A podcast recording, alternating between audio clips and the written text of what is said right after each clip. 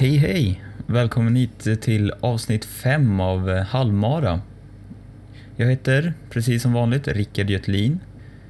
Nu kan vi lägga vecka 7 av 15 till handlingarna. Vi återkommer till hur träningen har varit lite senare. Innan vi sätter igång programmet så vill jag bara påminna om att du på hemsidan halvmara.se kan registrera dig för att få en egen 15 veckors träningskalender med automatisk kilometersammanställning. Du får också ett nyhetsbrev från mig med träningstips och uppdateringar om projektet. Om du lyssnade på senaste avsnittet kanske du kommer ihåg att jag pratade om att eh, jag var i övergången mellan uppstartsfasen och fas 2 av träningen. Och den fasen har jag tänkt ska handla mycket om att förlänga distanserna och antalet repetitioner och intervaller. Helt enkelt ha fokus på att öka tid och distans men inte intensitet och snabbhet. Men istället för att bara gå igenom hur min egen träning har gått under veckan så tänkte jag testa något nytt här nu i podden.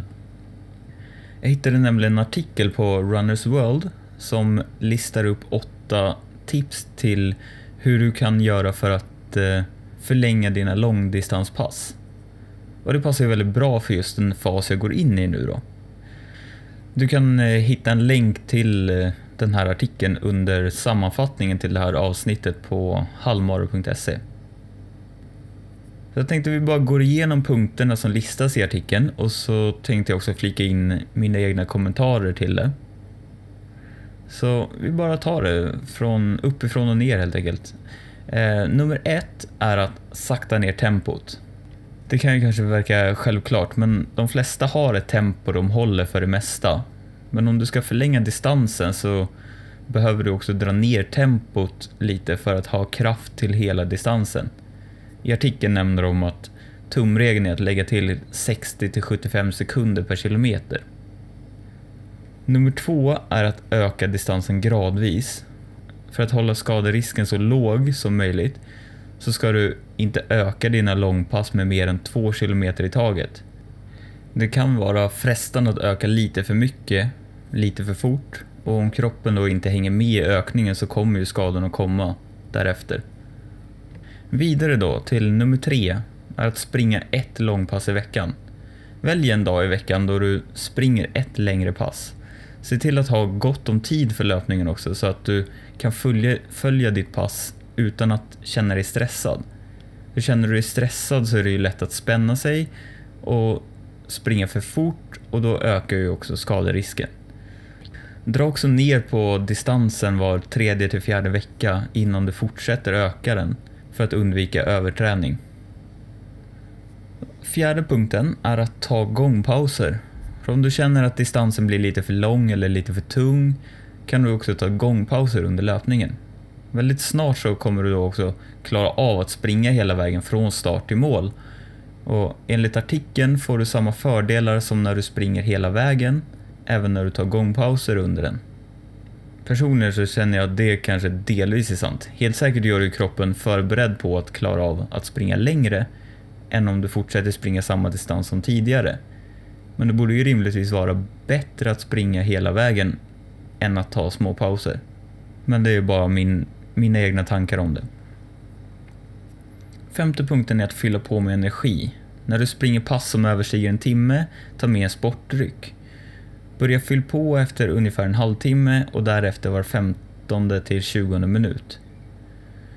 Jag har inte sprungit så många pass över en timme, men när jag gjort det har jag inte haft med mig någon energipåfyllning.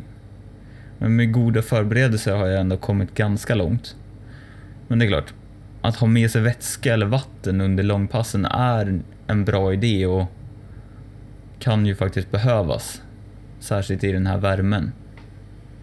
Så sjätte punkten är att bryta upp passet på ett mentalt sätt då. Genom att dela upp löpningen i mindre delar känns den inte lika oövervinnelig som när du fokuserar på hela distansen från början. Om du ska springa en halvmara till exempel, som jag ska, kan det vara lättare att tänka på det som tre 7 km rundor än att tänka på det som 21 kilometer då. Sjunde punkten blir då att springa en kortare runda eller på löpband.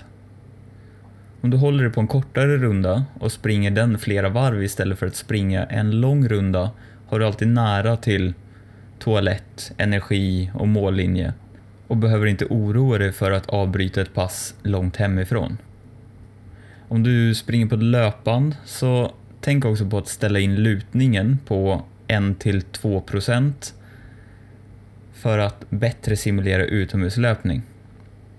Personligen har jag flera rundor jag springer och har börjat kombinera dem lite grann för att öka distanserna. För det kan vara ganska svårt att hitta bra rundor som är tillräckligt långa när distanserna blir längre. Åttonde punkten då är att ha tålamod. Att bygga uthållighet tar tid. Som norska Grete Weitz brukade säga. Skynda långsamt, rör dig framåt men ha tålamod. Och det var de åtta punkterna de eh, hade listat i den här artikeln. Och en del av det här känner jag ju att jag har tagit fasta på redan tidigare. Framförallt det här med att ha tålamod och att inte öka träningen för mycket och för fort. Sen eh, ska jag erkänna att jag ökade mitt långdistanspass den här veckan med mer än två kilometer.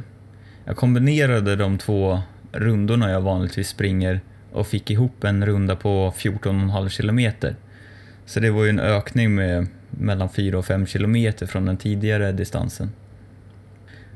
Under det passet så tog jag också fasta på det första tipset från artikeln och drog ner tempot med en minut per kilometer ungefär. För att vara helt ärlig så var det ett helt underbart pass. Jag orkade genomföra hela distansen, vilket är bra i sig, men jag kunde också hålla ett jämnt tempo genom hela passet, vilket tyder på att jag ändå ransonerade krafterna på ett bra sätt. Och visst var det lite tungt och självklart var jag mör i benen efteråt men det är så det ska vara när man har sprungit en och en halv mil. Mitt eh, lite kortare distanspass den här veckan blev också längre än tidigare. Det var inget som var planerat utan det berodde helt enkelt på att det passet egentligen var det som skulle bli det här 14,5 km passet. Det var bara det att jag gav mig ut på det passet i lunchtid mitt i gassande solsken. Och ja, det kunde en blind man se att det inte var en så lyckad planering. Jag avbröt efter en mil och begav mig hemåt. Men efter att ha fått i mig lite dricka så kände jag ändå att jag hade energi och ville kompensera på någonting, på något sätt och körde lite styrketräning och kunde ge mig själv full poäng för den träningen i alla fall. Så efter det var jag sugen på revansch och genomförde alltså det här längre passet ett par dagar senare. Kanske kändes det därför extra bra efteråt just för att jag hade bevisat för mig själv att jag kan klara det, bara jag planerar lite bättre.